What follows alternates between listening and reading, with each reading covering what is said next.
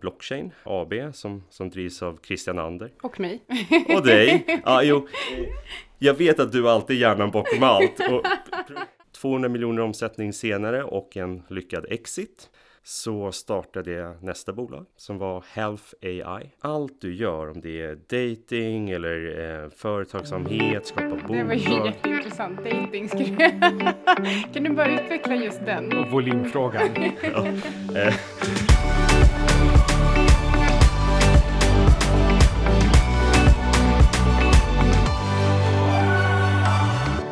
Säger vi hej och välkomna till mannen med så många namn att det tog ganska lång tid innan jag visste vad jag faktiskt eh, skulle kalla dig. Så vill att jag säger eh, Sir John Leopold, Sid eller Leopold eller John. Vad ska vi kalla dig egentligen? Mina föräldrar kunde inte bestämma sig så det blev många namn. Leopold blir väldigt bra. Då kör vi på Leopold. Men eh, innan, vi, innan vi egentligen kör igång, du, du, har ju faktiskt berättat en ganska rolig historia om ditt namn. Var kommer alla de här olika namnen ifrån? Kan vi bara dra det? När mina föräldrar fick för sig att eh, nu är det dags att skaffa barn så, så var båda punkrockare och på den tiden så var ju Sex Pistols det man skulle lyssna på och var liksom en revolution mot, mot allt i världen. Basisten där då hette ju då Sid. Det är eh, föranledningen till att eh, ett av mina förnamn är Sid. När det kommer till Leopold så var det helt enkelt att min storebror läste en serietidning. Där tror jag att det var, jag tror att det var en hund, det kanske var en katt. Nu kommer de, brorsan bli sur att jag inte kommer ihåg historien. Men han gillade verkligen den här, eh, det här djuret får jag summera det som. Och därför Leopold. Och, och John är efter min storebror som som, delar samma namn. Och Sid hette ju alltså Sid Vicious. Var det Vicious? Ja, Sid Vicious. Och det tråkiga där är väl att han dödade sin flickvän. Det känns lite som att jag får jobba för att lyfta det här namnet till, eh, till nya höjder. Och på samma sätt som eh, Six Pistols stod för någon typ av revolution så gör ju du med det bolaget som vi har investerat i också det, eller hur? Ja, när du gör något som väldigt få håller med dig om då kan du ha väldigt, väldigt stor uppsida, men du kan också ha fel. Och det är väldigt spännande. Och, och här har jag verkligen lagt flera år av mitt liv och tankekraft på, på just kryptovalutor, bitcoin och hur man kan gifta så kallad traditionell finans med, med, med kryptovalutor helt enkelt. Och här finns ju många som inte håller med och då, då blir det spännande. Och det är ju faktiskt exakt det här vi ska prata om idag. För att jag och Micke via vårt bolag Sygcap har ju precis investerat i ditt nya företag Winter Capital som egentligen är en indexleverantör av kryptoindex. Men eh, innan vi går in mer på kryptomarknaden så tänkte jag också att vi ska prata lite om din bolagsresa. För du är ju inte en färsk entreprenör utan det här är någonting som du har eh, gjort eh, i ganska många år. Så ska vi ta det från början? Vem, var kommer du ifrån och vad har du gjort innan? Ja, när jag, när jag var liten så försökte alltid uppfinna saker och lite roligare med de här uppfinningarna var det här var liksom innan internet och, och, och, det ger ju lite, eller innan internet när det var kommersiellt gångbart i alla fall. Så det är ju en liten eh, ledtråd till att eh, jag är inte superung i alla fall. Uh, och vad som var intressant var att när jag uppfann något så var det alltid någon annan som hade uppfunnit det innan mig. Och då blev jag, som man brukar bli när man är liten, lätt ledsen.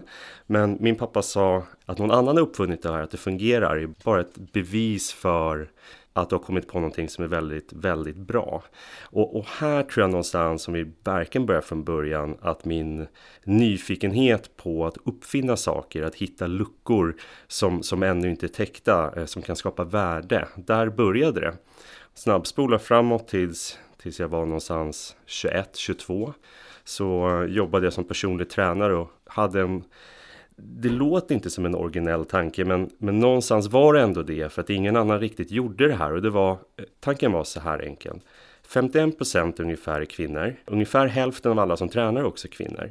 Men det finns ingen som gör produkter riktade mot kvinnor. Så vad händer om jag gör det när det kommer till kosttillskott? Och det var startskottet för Fitnessguru. 200 miljoner omsättning senare och en lyckad exit så startade jag nästa bolag som var Health AI som var helt enkelt linjär matte och vad den gjorde var att vi kunde sälja en artificiell intelligens som skulle kunna då räkna ut kost mycket bättre än en dietist eller i alla fall likvärdigt utan, utan en hög eh, kostnad. Så man skulle kunna säga att det blir en annan typ av skalbarhet än hos en dietist till exempel? En dietist går ju på ett sätt av regler när den gör en rekommendation på kost. Och de här reglerna är satta utifrån datapunkter som den samlar in.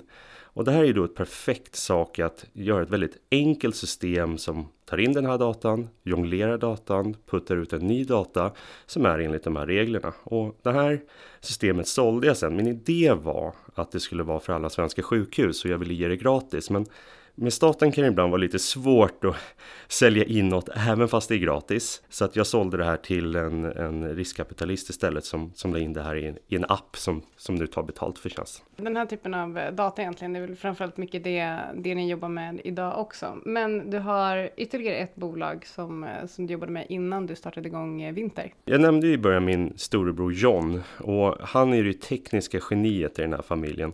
Han hade kommit på en idé att han kunde samla data på internet på ett unikt sätt. Publik data och sätta ihop den på ett sätt så att man kan spåra ägarna av hemsidor på ett, på ett väldigt, väldigt speciellt sätt. Vad som hände med det här är att vi la, la upp den online, den här tjänsten gratis och sen märkte vi genom att göra lite efterforskning att de som använde den här tjänsten var Homeland i USA.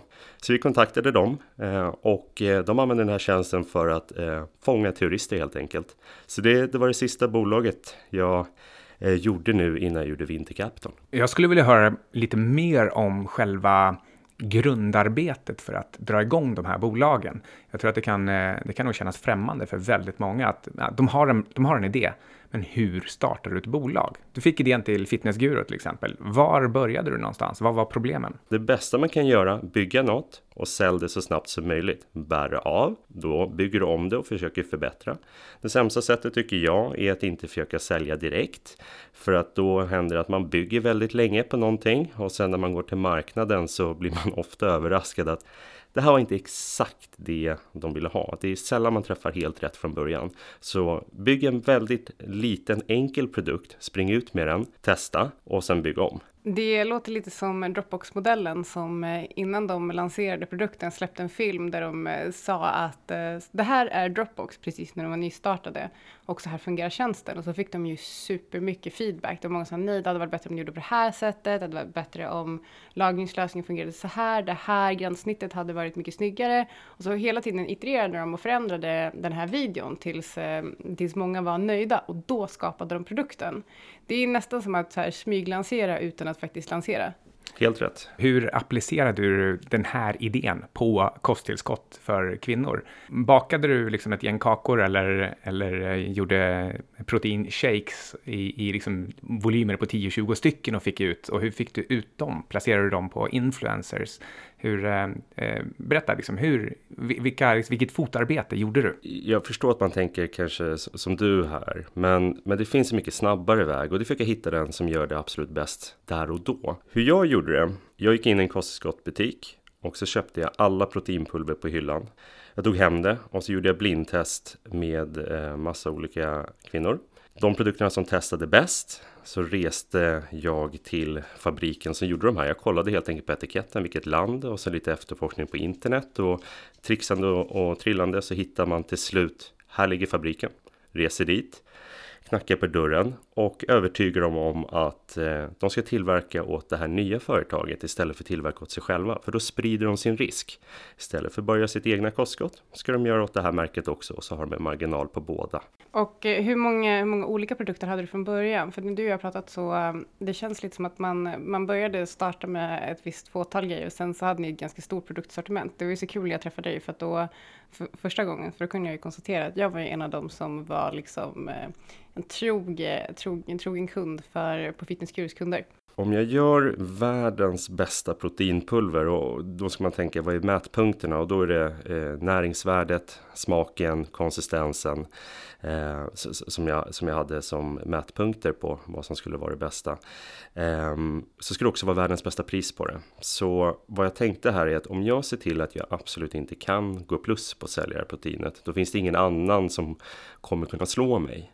Eh, det var min tanke då. Eh, så att det var min produkt. Jag tänkte att den har jag omsättning i och volymen och den drar in kunderna. Och sen är min uppgift att varannan till var tredje kund ska också köpa våran fettförbrännare som, eh, som jag hade en god marginal på, över 70% Så det var affärsidén och se till att kunderna valde då varannan till var tredje att också köpa fettförbrännare. Hur fungerade strukturen? Hur tänkte du kring eh, anställda till exempel, eller eh, outsourcades precis allting och det bara var du och någon till. Hur gjorde du för att skala upp det här? Det bästa resultatet jag har fått på mina anställningar, för jag, jag har gjort bra anställningar och jag har gjort riktigt dåliga anställningar.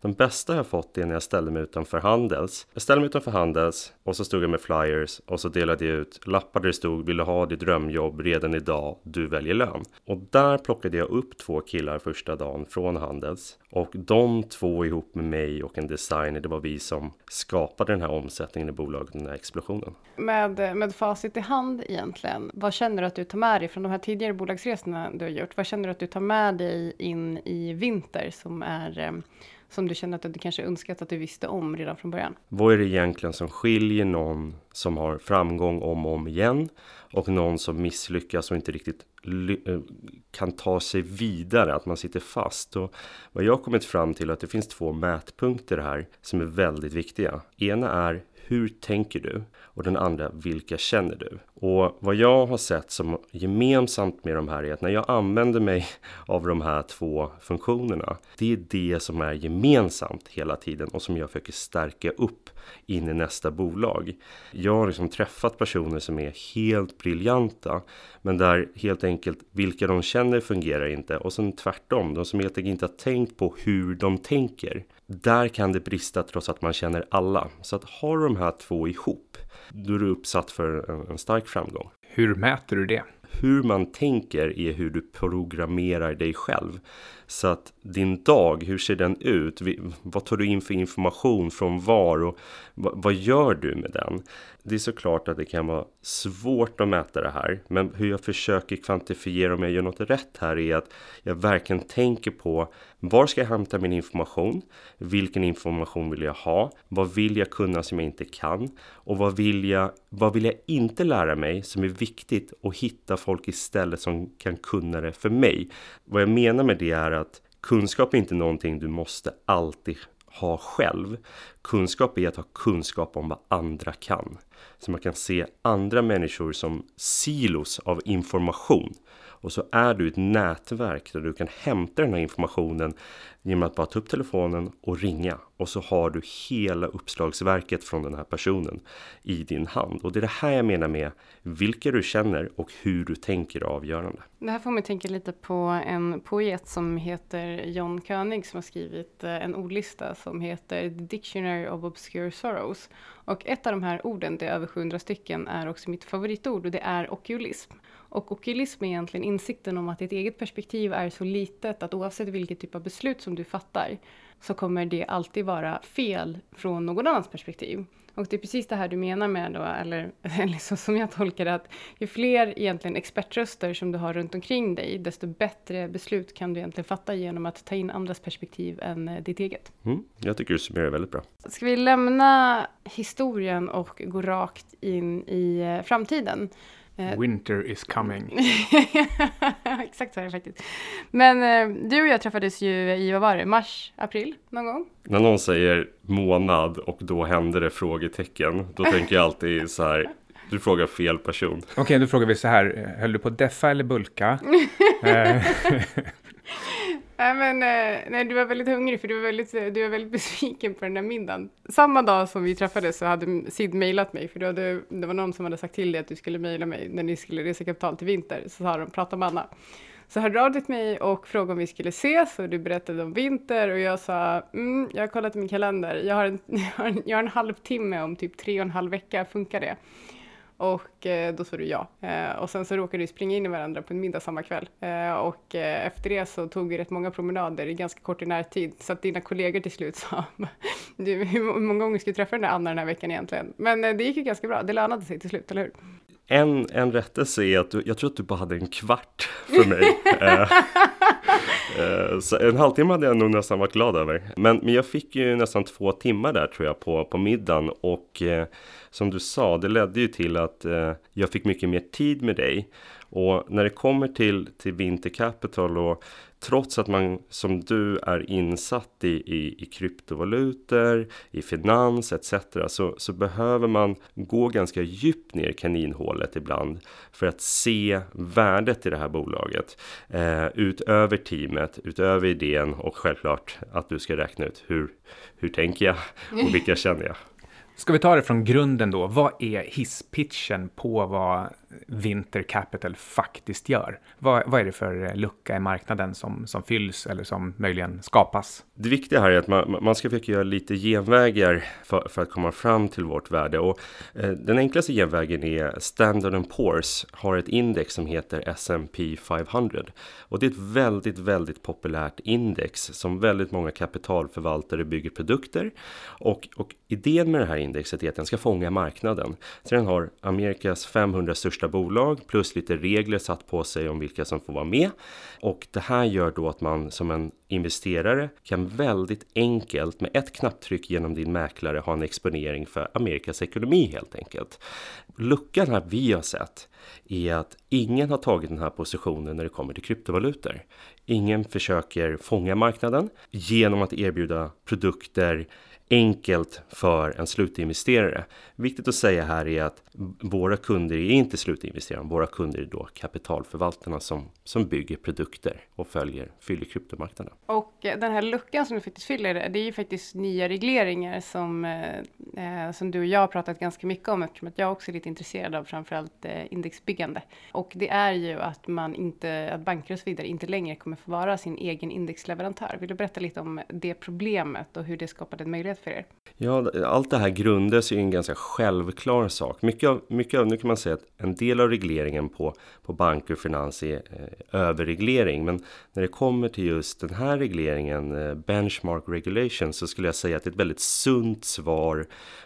på att banker gjorde något som är självklart eh, lag, eh, inte förenligt med lag eller förnuft. Och, och det var ju den här Libor-skandalen, att banker prissatte eh, produkter själva till sina kunder. Och, och det här blir ju ett problem, det är ett incitament att ljuga för att tjäna mer pengar. Ut ur den här skandalen så föddes då den här nya lagen som, som kan summeras som Benchmark Regulations.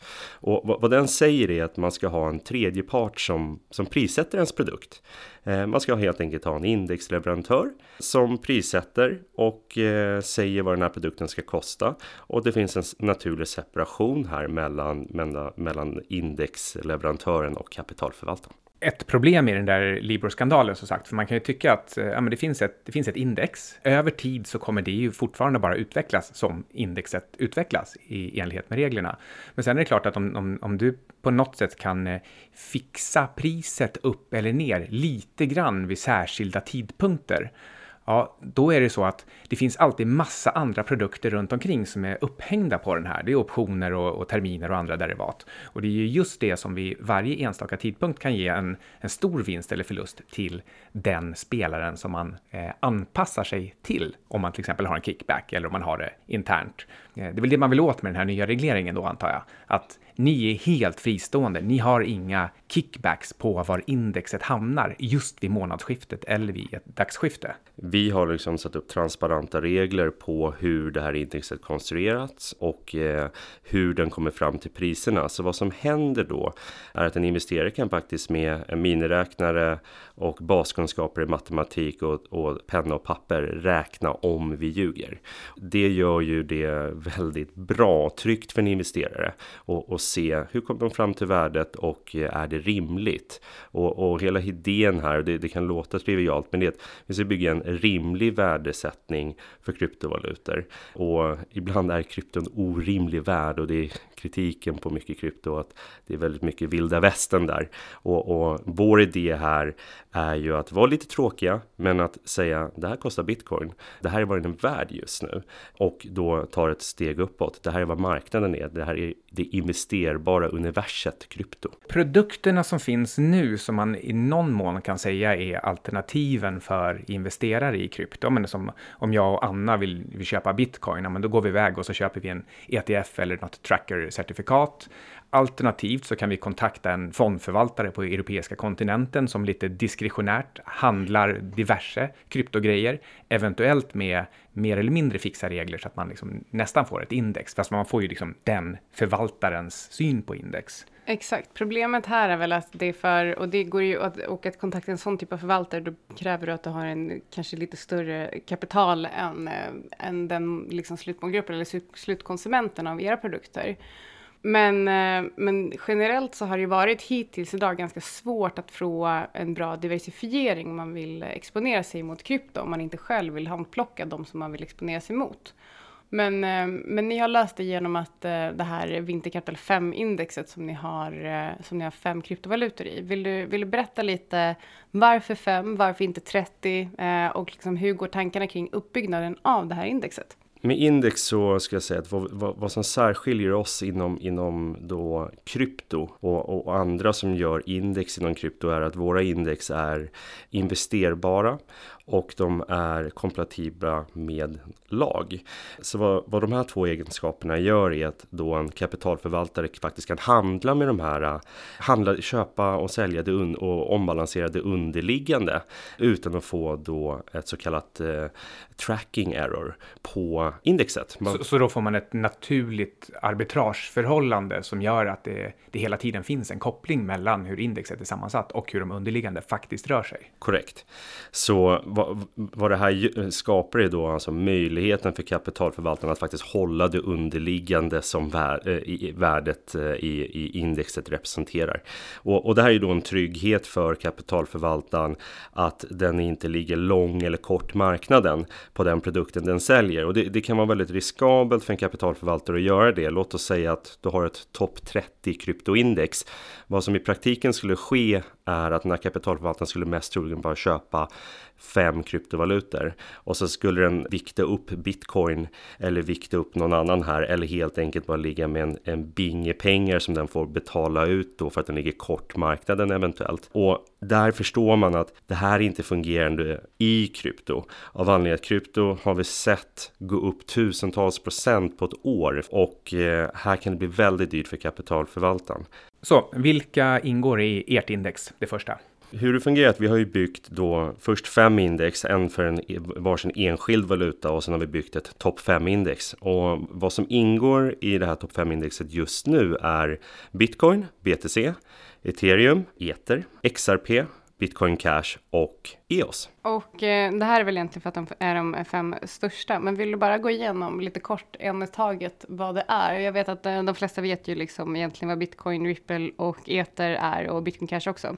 Men EOS, det är någonting som du och jag har diskuterat en del. Berätta om EOS. EOS är intressant för att det är den enda kryptovalutan i topp 5 utöver Ether som då siktar verkligen på positionen smarta kontrakt och de gör det från ett intressant perspektiv där man har en form av röstning. Man röstar på de som ska genomföra transaktioner och beter sig de sig bra så får de mer röster och, och därför mer betalt då av communityn och, och av de som, alltså de som säkrar nätverket får röster och då tjänar pengar. Men sammanfattningsvis så brukar man väl säga att eh, EOS försöker bygga World Wide Web på blockkedjan. Många försöker lösa väldigt mycket. EOS är en av dem. Jag skulle säga att vi är så tidiga på de här kryptovalutorna. Även bitcoin som bara är 10 år, 10 år ung. Var de går, det kommer finnas många höger och vänster här framöver på alla de här kryptovalutorna. Och lite vad jag menar med det här indexet, vad det gör om man då köper en passiv investering i krypto och hittar den exponeringen är att du, du får ju hålla marknaden och ta del av, av den som vinner. Det, det, det communityt som, som löser problem på bäst sätt kommer bära mest, bära mest värde. Och det, det är det som är föranledningen till indexet. Finns det några särskilda företagstyper som har byggt sin verksamhet runt EOS? Eh, e eh, mig vetligen nej. Men eh, något som är intressant att säga om det är att till exempel Peter Thiel är eh, en av, en av de som backar EOS och en av investerarna ska vi gå vidare egentligen och diskutera kanske krypto i ett investeringssammanhang? För jag är ju som eh, jag tror att de flesta som lyssnar på den här podden vet allt, jag älskar diversifiering eh, och eh, det är ju någonting som jag egentligen byggt min strategi på och eh, sen så tycker jag att krypto är superintressant att ha som några procent i portföljen. Men, men vad, vad vill du egentligen, vad skulle du kunna säga om krypto ur ett investeringssammanhang? Varför är det bra att inkludera krypto i en portfölj? Hur Winter Capital började var att vi hade inga skygglappar på oss alls mer eller mindre när det kom till det var väldigt, väldigt brett vad vi skulle göra. Vi tänkte, vi vill göra någonting inom krypto. Vad vet vi inte? Så vi sprang på väldigt många olika saker. Och till slut landade vi att en diversifierad produkt kanske är intressant. Och varför den kan vara intressant är då utifrån att om man kollar på då mer traditionell finans och de traditionella tillgångsslagen så vet vi ju att modern portfolioteori, eh, jag menar Nobelpriset av Markowitz tror jag det var 1990, visade att om du spridde din risk så, eller sprid, spridde dina investeringar så, så fick du en högre avkastning eh, utan att du höjer risken. Det här tänkte jag, stämmer det här på krypto? Så vad vi gjorde var att vi, vi eh, sökte med ljus och lykta efter alla dataleverantörer som kunde leverera data på krypto bakåt. Så köpte vi ner den här datan och gjorde massa testning bakåt. Och vi såg till noggrant här och inte så kallat cherrypicka datum på krypto för att försöka få fram något. Utan vi ville bara se hur är den här marknaden korrelerad eller inte. Och vad vi kom fram till var att krypto har ungefär samma korrelering som S&P 500 har inom sig. Och vad det här säger är att S&P 500 indexet är ju ett av de mest investerade, eller det indexet som har mest eh, asset under management i sig i produkter som skapas och följs. Så att värdeanspråket S&P 500 behöver man knappt på något sätt försvara på grund av att folk förstår här att jag får en exponering mot en marknad. Och vad som nu visar sig vara sant är att samma sak är inom krypto. Vad jag hör väldigt ofta är att du behöver inte köpa någon annan kryptovaluta än bitcoin för att eh, allting går upp samtidigt och ner samtidigt. Och det här är någonting, om du kollar varje dag så är det lätt att få den uppfattningen. Bitcoin är upp lite och då är Ether och XRP och eh, Bitcoin Cash upp lite också. Och Bitcoin går ner, då går de ner lite. Och ja, kollar du dag för dag så, så kommer du få den uppfattningen. Men med ett rikt datasätt där du testar det här på riktigt. Då kommer du se att korrelationen eh, mellan krypto är 0,27 på daglig data tre år bakåt. Eh, Medan i, S&P är den eh, 0,30. För, för de flesta traders så är det så självklart att man handlar diverse olika index och indexerna får du tag på precis överallt genom alla plattformar, alla leverantörer, alla mäklare.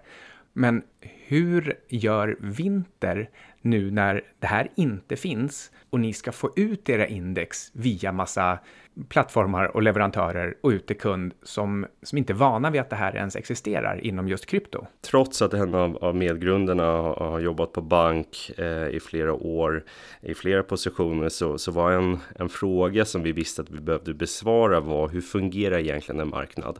Eh, vilka är värdespelarna? Hur funkar det här spindelnätet som har byggts upp under många, många år för att då liksom fungera så pass, och jag vill säga effektivt här, eh, så pass effektivt som det gör idag. Och vad vi märkte här är att eh, då positionen indexleverantör, att den inte är tagen i krypto, det är en sak. Men de andra värdespelarna då, som du beskriver att vi ska komma ut med det här indexet och då är det ju då kapitalförvaltaren, den är ju en essentiell del här.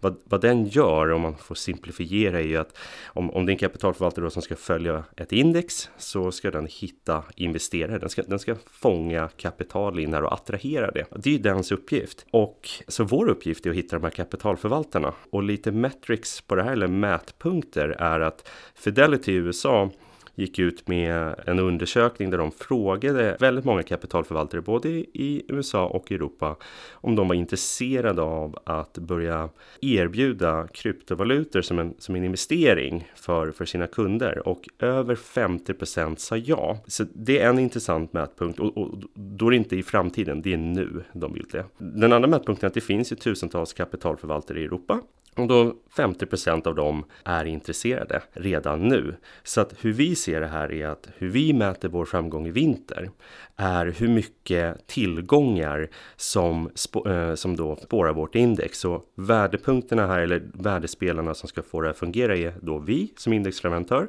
och kapitalförvaltaren som då attraherar kapitalet. Och det är också de som ser till att bygga produkterna som, som då ska finnas på reglerade marknader oavsett om det är Nasdaq eller NGM, Nordic Growth Markets etc.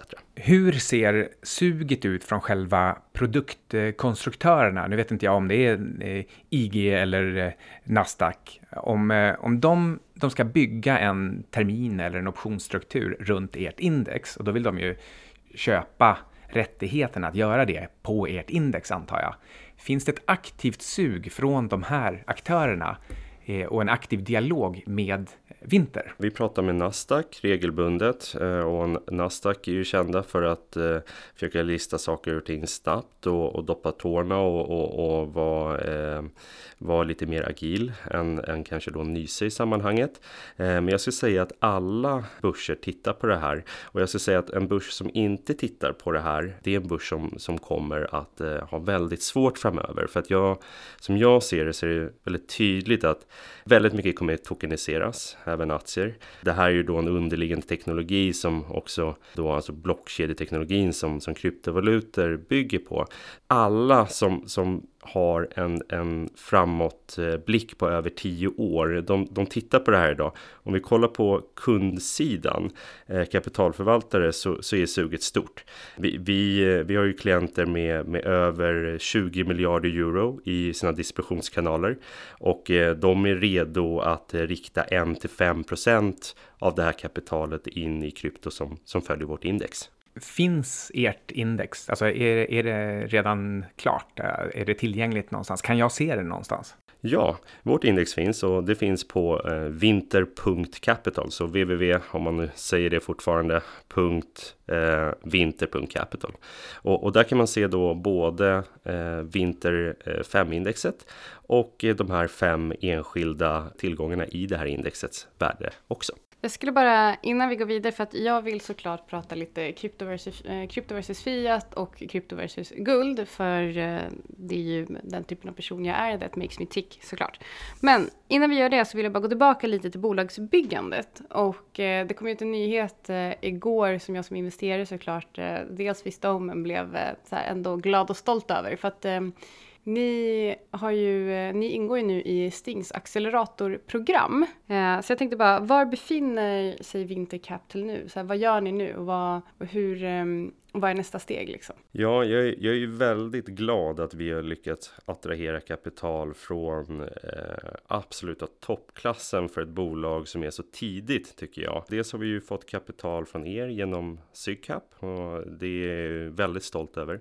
Jag har också fått kapital, eller vi har fått kapital från eh, Blockchain eh, AB som, som drivs av Christian Ander. Och mig. Och dig. Ja, jo, eh, jag vet att du alltid är hjärnan bakom allt. Och problem, problemet med det är att jag måste liksom pusha andra också. Jag, jag, jag vet, eh, vi, vi kör så här. Som, eh, som Anna är VD Och då vet alla vem som bestämmer. Exakt. Eh, från blockchain och, och då för att Christian Anna ändå ska få en liten miniparentes här så, så byggde han eh, BTCX och sålde det och sen Eh, har han då valt att hoppa in i, i VC-svängen i, i, istället. Och, och sen då Sting som du sa. Och eh, var vi befinner oss nu, jag vill också nämna, vi, det är några änglar som jag tyvärr inte kan na eh, namnge, men eh, är väldigt stolt över att ha dem ändå, så de ska få en shoutout här också. Men var vi befinner oss nu är att vi, vi har stängt vår pre-seed-runda. Vad vi gör nu är att vi kommer fokusera på sälj. Vi ska sälja det här indexet kapitalförvaltare för att hur vi mäter vår framgång är hur mycket kapital spårar vårt index och vi siktar på att bli verkligen S&P 500 för krypto. Det, det är det enda vi gör nu. Det tycker jag låter bra. Så om vi går tillbaka så ska vi diskutera eh, diskutera mina favoritämnen, nämligen eh, Fiat och eh, krypto. Så jag skrev idag på Twitter att jag önskar att jag var en centralbank så att jag kunde trolla fram pengar ut ur tunna luften och då är det någon som sa, ja ah, okej, okay, det är ju exakt det kryptovalutor gör, eller vad är skillnaden eh, mot det och krypto? Och eh, jag förstår delvis, jag förstår dels vad han menar, men jag tyckte inte heller att han riktigt har förstått vad, eh, vad syftet med kryptovalutor egentligen är då, kanske framförallt då eh, bitcoin. Så eh, om vi ska, om vi ska ta det, vad, vad har du att säga om fiat versus krypto? När någon säger, jag kan inte förstå hur bitcoin är värt 10 000 dollar. Eh, då brukar min kontring vara väldigt snabbt, jag kan inte förstå att 10 000 dollar är värt 10 000 dollar. Och, och där är en genväg till att gå till vad är pengar och varför har det ett värde? Och dollarn har ju ett värde på grund av att de har den största armén. De använder den armén för att underbygga värdet. Och sen finns ett förtroende i den armén och i den stat som driver armén. Det är vad jag skulle säga. Och varför bitcoin har ett värde är för att folk har ett förtroende i matematik och programmering och kod. Det, och, och sen finns det ett socialt tryck då på vem som får skriva den här koden och skapa den koden och publicera in den här koden på blockkedjan. Så det har ett väldigt starkt socialt tryck inbyggt i hur bitcoin fungerar. Skillnaden här blir lite arméer mot matematik skulle kunna vara en.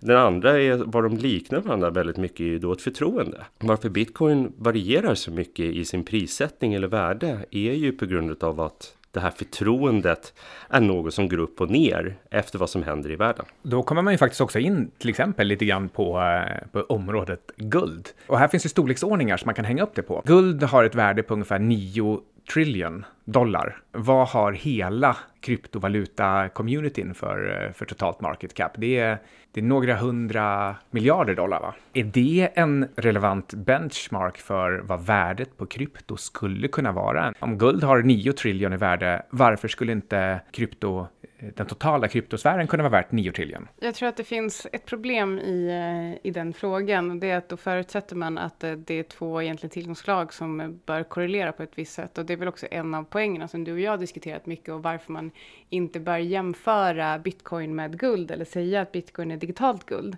För det är två olika tillgångsslag utan någon som helst korrelation. Det finns argument som, som är vettiga på båda sidorna om bitcoin är guld eller, eller så kallat digitalt guld eller guld 2.0 eller inte. Vi, vi kan börja med den här från ett investerarperspektiv skulle jag säga. Idag är den inte det. Och varför den inte är det är för att kryptovalutor och, och, och därmed även bitcoin har en, en korrelation som är lika med noll på daglig data tre år tillbaka med andra traditionella tillgångsslag och där, där eh, är guld inräknat. Så att om, rent från ett investerarperspektiv så risksprider du om du placerar pengar då både i bitcoin och guld. Det är inte så att du har köpt något som är samma. Sen när vi går till mer Eh, praktiska saker. Ja, guld eh, som, som Micke har sagt är en metall du gräver upp i jorden och, och, och bitcoin, bitcoin är något annat. Och det är också sant, men varför gör man liknelsen då? då? Eh, eh, och liknelsen är så här att Bitcoin har samma värdeanspråk som bär de största värden skulle jag säga i guld eh, och vad guld får sitt värde ifrån idag. Guld har ett försprång på några tusen år här i förtroende. Men om vi kollar på mänskligheten så byter vi saker och ting när något bättre kommer. Det är jättesant när vi kollar på pengar. Pengar har bytts många gånger från snäckor och skal till metaller till, eh, till kapsyler där kapsyler är scarce eh, eller inte tillräckligt lika eh, enkelt som här. Så att vi, vad vi försöker göra hela tiden är att Mänskligheten har ett driv mot något som är mer effektivt och bättre. Och här är då riskvektorn för guld på lång sikt. Det skulle vara att bitcoins eh, förtroende fortsätter att stiga. Man ser värdeanspråket bitcoin för med sig och att det liknar gulds värdeanspråk. Och där har du en attackvektor på, på gulds värde på väldigt lång sikt. Men då förutsätter du att guld bara ska användas som, eh, eh som pengar. Men eh, det finns ju faktiskt användningsområden för guld som inte finns för till exempel kryptovalutor. Man använder ju till exempel guld i, eh, inom industrin eller som, eh, och framförallt inom rymdindustrin så kommer det mer och mer. Så på det sättet så tycker jag också att det blir orättvist att jämföra två tillgångslag. Ehm, alltså framförallt för det hade varit som att jämföra kryptovalutor med, jag vet inte, värdet i en bil. Ditt argument är helt, helt korrekt. Dock så skulle jag argumentera för att eh, den största prissättningen och volymen i guld ligger då just i eh, universet att vara en så kallad investering och en, ett skydd mot inflation. Och där ligger då bitcoin också skulle jag säga mer än ett betalmedel. Så, så därför liknar de varandra i det här och det är där jag tror den största volymen och prissättningen sker ifrån. Trots det så, är självklart ditt argument korrekt. Det, är svårt att använda bitcoin eh, i en bil på samma sätt som du använder guld eller hur du använder guld i, i kontakt eller högtalare etc. Så jag håller med. För jag tror att min, min poäng här är egentligen att jag är ju inte kritisk mot kryptomarknaden. Tvärtom, vi, vi har ju dels investerat i er och eh, jag har en egen kryptoportfölj också eh, utöver det. Men, eh, men jag tror att det jag är kritisk mot är att man hela tiden försöker hitta, hitta något tillgångslag att jämföra krypto med, vilket också gör att jag tror att många missförstår tillgångslaget i sig. Eh, jag tror att och genom att man hela tiden, den här Drop Gold-kampanjen som eh, Grayscale eh, körde, det är ju också, för det första har ju guldet gått skitbra sedan den, men, eh, men det, som, det som är problematiken i det, det är att jag tror också att man, eh, man låser ute ganska många investerare som om man hade presenterat krypto som ett nytt tillgångslag och som ett tillskott som hade varit intresserade. Men när man presenterar krypto som ett tillgångslag som ska ersätta det äldsta och egentligen eh, det tillgångslag som vi har mest förtroende för idag. Jag tror att det, det skapar ett problem. Så att jag är egentligen bara kritisk till kommunikationen kring Eh, kring jämförelsen och eh, inte tillgångslaget i sig. Jag tror du är inne på eh, precis rätt grej här som också är varför vinter finns ur mitt perspektiv. För när någon frågar, har du ätit krokodil? Vad smakar det? Ja, men det smakar ungefär som kyckling. Där har du liksom problemet när man istället för att lära sig vad krokodil smakar och nu när ni skapar index för krypto, då får det ju faktiskt bli helt sitt eget. Och då kan man, då kan man titta på krypto utifrån kryptos perspektiv. Vad jag tror det handlar om mycket här är att eh, man behöver behöver ett starkt viktat ord. Jag säger så här, man försöker hitta mentala genvägar till att få folk att förstå kryptovalutor. Och då gör man gärna sådana här liknelser som inte håller hela vägen. Eh, bitcoin liknar guld i några egenskaper och i andra är den helt annorlunda. Och, och när det kommer till just enbart som en investering, då är i dagsläget så eh, finns det ingen anledning att välja ena eller den andra, utan drop gold utifrån datan vi har idag Eh, är inte korrekt. Eh, men om man eh, kan spekulera och tänka hur skulle en framtid kunna vara om vi går mer och mer mot ett teknologiskt samhälle som tror på, på kod, matte och datorer, det som styr allt. Där är attackvektorn på guld, men jag tror att vi är väldigt långt därifrån. Vad tänker du om sådana här olika typer av eh, backade, alltså värdebackade kryptovalutor? Det kan antingen vara Libra från Facebook som är backad av en korg med fiatvalutor. Eller så kan det vara, vad heter det där, Dig Digicoin? Nej? Dignity. Dignity, ja, men, som åh, är nej, guldbackad krypto. Som inte är det. Nej. Det var, det var en, det var en skrämvaluta. Men, men okej, en riktig guldbackad krypto men jag kan tänka, Iran pratar väl om att släppa en guldbackad krypto? Vi kan väl börja med buld, eh, guldbackad kryptovaluta. För, för mig är det som att liksom uppfinna hjulet igen. Hjulet fungerar ganska bra. Eh, vi har produkter som ger en väldigt enkel och tydlig och bra exponering mot guld idag genom olika certifikat som, som handlas på börserna redan. Eh, att då ha en kryptovaluta som gör det här tycker jag, det finns värdeanspråk i det. Eh, värdeanspråket är inte att du kan garantera att de håller guldet för att eh, det kan inte blockkedjan lösa åt dig. Eh, blockkedjan fungerar väldigt bra i isolation, eh, men är det skit in, då är det skit ut. Så enkelt är det. Det där tycker jag är superviktigt, nästan värt att upprepa igen, att bara för att man har en blockkedja så kan man ju inte garantera det där steget utanför i den verkliga världen, utan det är bara så länge det är helt digitalt som du kan garantera själva kedjan.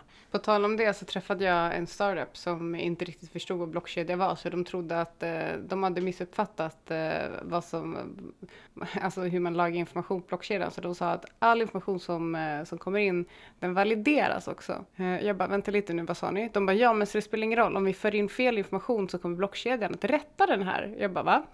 men det var lite sidospår. Det var, lite, det var typ en timme jag aldrig får tillbaka av mitt liv. Eh, vi gjorde ingen investering i det bolaget, men det var lite kul eh, i sammanhanget. Men vad finns det egentligen för, för problem? För att jag står ju fast vid, jag har ju mycket, mycket, mycket mer guld i eh, både min portfölj och i din Mikes.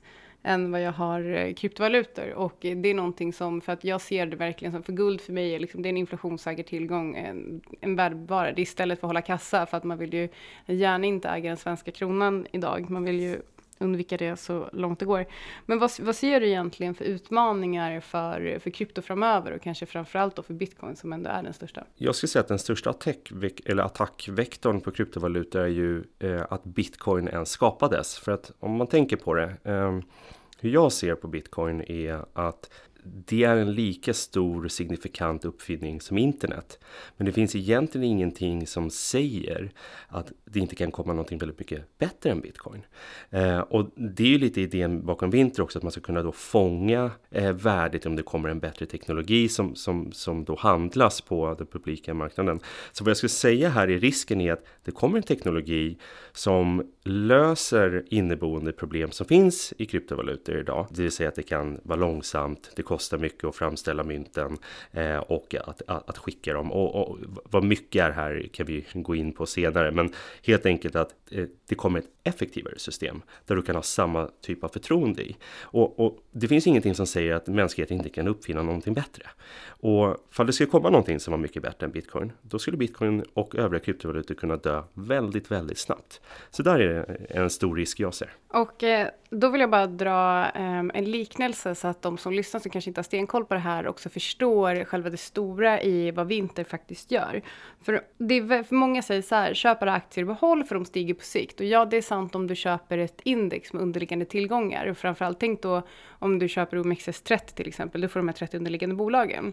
Och då kan du följa utvecklingen på OMXS30. Men de här bolagen byts ju faktiskt ut, precis som du pratar om, att eh, de här fem största kryptovalutorna faktiskt kan bytas ut i framtiden. Och istället för att då ensam köpa de eh, 30 mest omsatta bolagen på OMX eller de just nu fem största kryptovalutorna så får man alltså indexet, vilket innebär att om bitcoin dör ut, har du köpt bitcoin direkt, ja, men du förlorar din investering. Men om du köper indexet eh, vinter, då, får du, då kommer dina pengar ändå utan att du behöver göra någonting allokeras om till det som då skulle kunna kallas eh, framtidens eh, kryptovaluta. Eh, för om du istället hade köpt eh, de, 30, eh, de 30 bolagen i OMXS 30 för 100 år sedan så hade du i princip inte haft några pengar kvar. Helt rätt här Anna. Det är väldigt, väldigt svårt att pricka vinnarna. Och de som lyckas med det är ju nästan aldrig, med väldigt få undantag, eh, samma person eller företag eller, eller riskkapitalist som väljer eh, rätt investeringar år efter år. Eh, Micke här kanske är ett undantag, eh, så vi, vi låter han, den stå. Till och med han har ju lämnat över sina investeringar till mig för att han till slut träffade rätt mycket fel. Anna alltid i toppen. Jag, jag, gör, jag gör en korrektion igen. Eh, Anna is the boss. Vad heter själva det här indexet med fem stycken kryptovalutor? Den heter eh, Winter Capital 5, eh, alltså VC5. Hur kan eh, de ingående valutorna bytas ut framöver? Vad kan det, utan att gå in på detalj, så något ungefärligt kriterium för hur man halkar ur och kommer in i indexet? Ja, de, de här är ju då viktade efter sitt marknadsvärde och marknadsvärdet är ju då eh, hur många eh, coins eller tokens som, som finns eh, i omlopp. Eh, det, eh, flo, eh, free float supply kan man kalla det. Eh, och då eh, gånger eh, dess, dess värde. Och det är det som avgör då deras marknadsvärde. Så de som har topp 5 högst marknadsvärde, det är de som inkluderas. Okej, okay. ja det var enkelt. Sen finns det jättemycket mer avancerade grejer, men jag skulle hoppa över det. Så. Jag tänkte att, eh, att vi återigen, för att liksom så här runda av, så tänkte jag att vi skulle gå tillbaka till eh, själva bolagsbyggandet och entreprenörskapsdelen. För att i den här, i den här podden så diskuterar vi ju allt som oftast eh, att investera. Men du är ju den personen som har stått på andra sidan. Vad har du för erfarenhet? Alltså vad, vad tar du med dig av erfarenheten av att resa kapital? Och om det är, vi har några lyssnare som kanske drömmer om att göra någon typ av samma resa i framtiden. Vad, eh, vad har du för lärdomar som du vill eh, att de ska ta med sig? Gå inte ut och försök resa kapital eh, när kryptovalutor har kraschat konstant i 12 månader. Det var vad jag gjorde. Och svaret jag ungefär fick var hur kan ni vara bra? Bitcoin har ju gått ner i värde. Och ibland är det, är det så svårt att du, du har liksom ett nej så fort de bara har en liten aning om vad det handlar om. Fall det är ett negativt sentiment kring den branschen du verkar i. Så att försök ha lite timing här. Att, att, att, att rida en våg är väldigt mycket enklare än att skapa den. Mer allmänt är den enklaste är volym. Det, I allt du gör, om det är dating eller eh, företagsamhet, skapa bolag. Det var ju jätteintressant. Dating Kan du bara utveckla just den? Och volymfrågan. ja. Ta Tinder. Varför, varför är Tinder så extremt framgångsrikt? Och det är att den har gjort, eh, den har gjort eh, urbeteendet dating och att träffa människor man vill vara med mer effektivt. När det kommer till sälj, och jag ska säga att dating är sälj, du säljer dig själv, så är det så att det, det är verkligen 100 knack, 10 snack, en affär. Och sen kan man jobba lite på konvertering. Man, man, man går och klipper sig, man duschar, man har en snygg kostym eller något annat som, som, är, som är, ser bra ut. Tar en eh, promenad runt Djurgården. Promenad. Ställer, ställer, smarta frågor som hur, hur började du med det här med bolag? Eller vad var det du sa? Eh, ja, ja, problemet är om man exponerar sig för mycket för en person är att då får den se alla, alla sidor, även de dåliga. Du var hungrig, du var skylla på det. Volym här är, är nyckeln. Jag har sett flera på nära håll som tänker nu ska jag resa lite kapital. Och så har den två personer den känner som den vet har pengar och som har investerat tidigare. Och så går den till dem och så får den nej från båda. Och så ger den upp jag skulle säga att två nej är ett väldigt, väldigt då, dåligt dataunderlag för att ta ett beslut och ge upp. Eh, dataunderlaget ska vara eh, hundratals. Vad jag gick på var att träffa så många som möjligt för att bli bättre på det jag gör, presentera det jag gör på ett bättre sätt eh, och försöka hitta de som passar vinter bäst också. Jag gissar att det här inte kommer vara det sista bolaget du reser kapital för. Vad är din eh, allmänna känsla inför att göra sådana här investeringsrundor? Är det kul eller tänker du efter den här gången ungefär hoppas jag aldrig någonsin mer behöver? Jag tyckte det var kul hela vägen. Eh, varje gång jag fick ett, ett nej så var det inte... I två, tre sekunder kunde man tänka att den här personen förstår inte vad vi gör. Det är därför vi inte får pengar. Men det fungerar inte för att förbättra sig. Efter de två, tre sekunderna så gick man direkt hem och tittade på vad är det vi inte når fram med? Om det är så att vi har rätt med den här bolagsidén. Vad är det som vi missar så att vi kan prata med den här personen så att den förstår sig på oss? Och det handlar inte om att den personen inte är smart nog nog eller bildad nog. Det handlar om att alla personer drivs av lite o, alltså man har några gemensamma drivfaktorer, men man, man klickar på lite igång på lite olika sätt. Så att kortfattat är att det här har varit väldigt roligt. Sen är det så att det jag tycker är roligast är ju såklart att bygga bolag. Det här är ju bara någonting som gör det möjligt. Om vi har några blivande entreprenörer som lyssnar på den här podden, vad vill du skicka med dem? När folk inte håller med dig, men du är övertygad om att du har rätt, då är du antingen galen eller så är du på helt rätt väg. Och enda sättet att ta reda på det är nog att springa framåt. Så spring, testa och försök. Gå på nej fungerar inte. Gå på ett ja, ha fel. Trial and error. Ja, det är ju att säga det med typ några få ord istället för ordbajsa såklart. vi har kvar det här som det är. ja, det, det, fungerar för mig. Jag menar, eh, Anna sa det bäst. Anna sa det bäst för Anna Boss. Jag tycker vi avslutar där. Tusen ja. tack eh, Leopold. Tack så jättemycket. Superkul att ha dig med.